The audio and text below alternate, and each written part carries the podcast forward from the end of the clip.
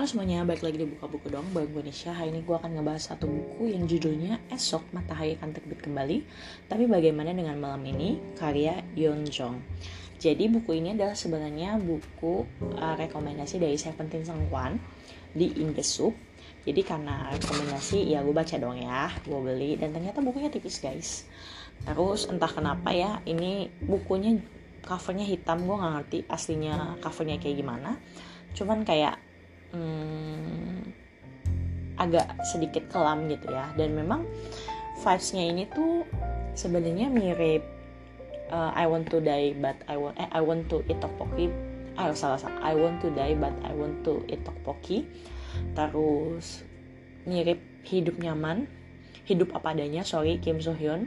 Terus mirip juga terima kasih sudah mengatakannya. Itu juga mirip vibesnya menurut gue. Entah mungkin karena ini buku Korea dan di mana uh, lingkungan mereka di sana juga mirip gitu ya. Tak kenapa buku ini gue ngerasa kayak gue udah pernah baca tapi uh, tentunya dengan uh, ulasan yang menarik. Kenapa gue bisa bilang dia mirip I want to die but I want to eat tteokbokki? Itu karena ternyata dia juga mengalami gangguan uh, kayaknya gangguan kecemasan nih kalau nggak salah ya jadi dia tuh kayak ke psikiater juga dan berobat untuk mengatasi uh, kecemasan-kecemasannya dia. Nah makanya gue bilang dia kayak mirip gitu loh karena si I want to die but I want to tteokbokki kan juga ada semacam mental disorder juga gitu lah ya. Jadi dia harus ke psikiater. Nah tapi ini menurut gua bukunya ringan lebih ringan daripada I want to die but I want eat tteokbokki karena kan kalau di situ si uh, siapa yang namanya Yuhun ya kalau nggak salah namanya. Dia tuh benar-benar kayak catatan pribadi dia waktu dia ke dokter gitu kan. Jadi ada percakapannya. Kalau ini tuh lebih kayak quotes quotes makanya menurut gue ini lebih ringan. Tapi vibesnya mirip karena ya sama-sama sakit gitu kan. Sakit dalam tanda kutip ya dan gue nggak mau ngejudge dia cuman ini kan dia berbagi pengalaman dan dia mengakui kalau dia pun juga sedang uh, waktu itu dia kayak berobat gitulah ke psikiater. Nah di sini banyak yang bikin kita tuh kayak merenung terus kayak pikir kita kayak berhenti sejenak sih kalau menurut gua. Tapi ini tuh intinya kayak gini kayak dia tuh pengen ngomong kan esok matahari akan terbit kembali tapi bagaimana dengan ini? Mungkin besok kita punya ceritanya sendiri tapi kayak kita pikirin nih sekarang uh, kita mau apa gitu. Makanya nulis buku ini. Bener-bener sih menurut gue ini ceritanya lumayan menyentuh di mana dia juga ada part dia ceritain tentang keluarganya terus tentang cintanya dia. Jadi memang kayak menurut gue uh, cukup ringan dan kalian kayak bisa baca ini berkali-kali ya kalau kalian udah baca.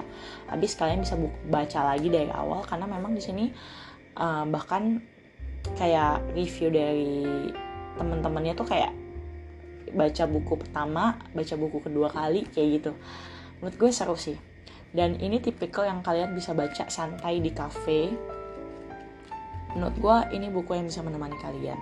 So kalian bisa baca ini dan tipe quote sih bener-bener tipe yang kayak puitis-puitis gitu ya menurut gue.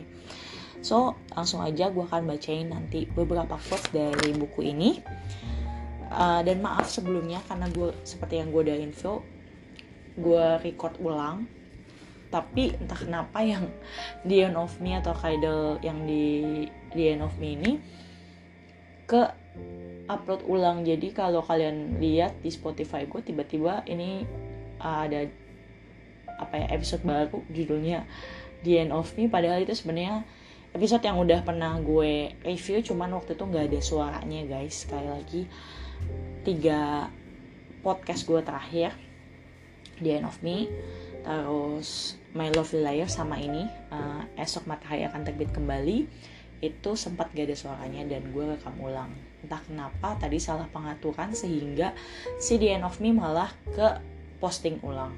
Kayak gitu. Jadi ke postingnya intinya dia kayak ngerubah uh, urutannya istilahnya kayak gitu. But overall nggak uh, ada yang perlu gue masalahin. Cuman gue kayak eh uh, ke diri gue sendiri. Kenapa gue dengan bodohnya bisa melakukan hal itu? Yang bikin gue jadi kayak ritmenya menurut gue kayak nggak pas. Tapi overall it's okay it's okay. Gue kayak kencana kencana. Memes akhir ini kan itu Kencana gitu ya. Jadi gue kayak oke okay lah it's okay nggak apa-apa. Dia ke skip. So tetap dengerin podcast ini. Uh, juga uh, gue akan usahakan untuk tetap update uh, buku-buku. Uh, karena gue sebenarnya lagi baca beberapa buku juga semoga gue bisa kelarin tepat waktu. Terus gue juga semoga bisa uh, review drama Korea. Jujur belakangan tuh lagi sepi banget drakor yang gue tonton. Terakhir banget tuh gue nonton moving guys. Moving akhirnya gue nonton balik ulang celebrity. Gue lanjutin yang gue review juga di uh, review juga di podcast ini. Terus nanti gue akan review beberapa film. Terus doakan saja semoga gue punya niat untuk nonton nonton drama Korea lagi. Nah menurut gue ini podcast ini penting buat gue untuk nggak cuma sekedar cerita berbagi cerita ke kalian tapi kayak uh, bikin gue uh, senang gitu. Uh, apa ya saya kayak meng, menyalurkan cerita gue menyalurkan hobi ngomong gue. See you next time. Bye bye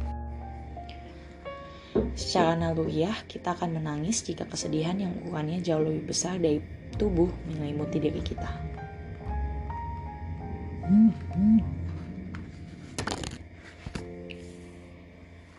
Bagi orang lain, kekuranganku adalah kesempatan untuk mulai jatuh cinta.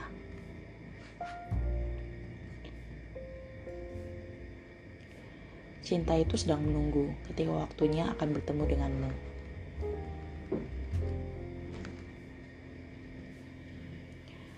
Aku berpikir aku yang paling mengenal diriku sendiri. Ketika menerima konseling, aku merasa seperti orang asing.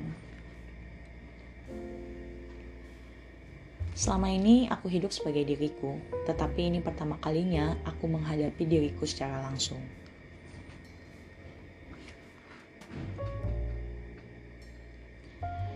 Dalam kehidupan yang kecil ini, aku tidak butuh untung besar atau hidup melarat. Aku hanya ingin hidup secukupnya saja.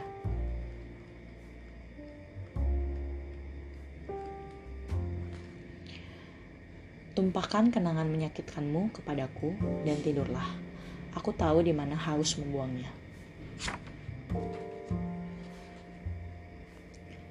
Untuk diriku, jangan mengabaikan luka. Jika kamu tak menyembuhkannya, artinya kamu berniat menerima dan menjalankannya. Luka bukan pertandingan. Menghindarlah sebisa mungkin.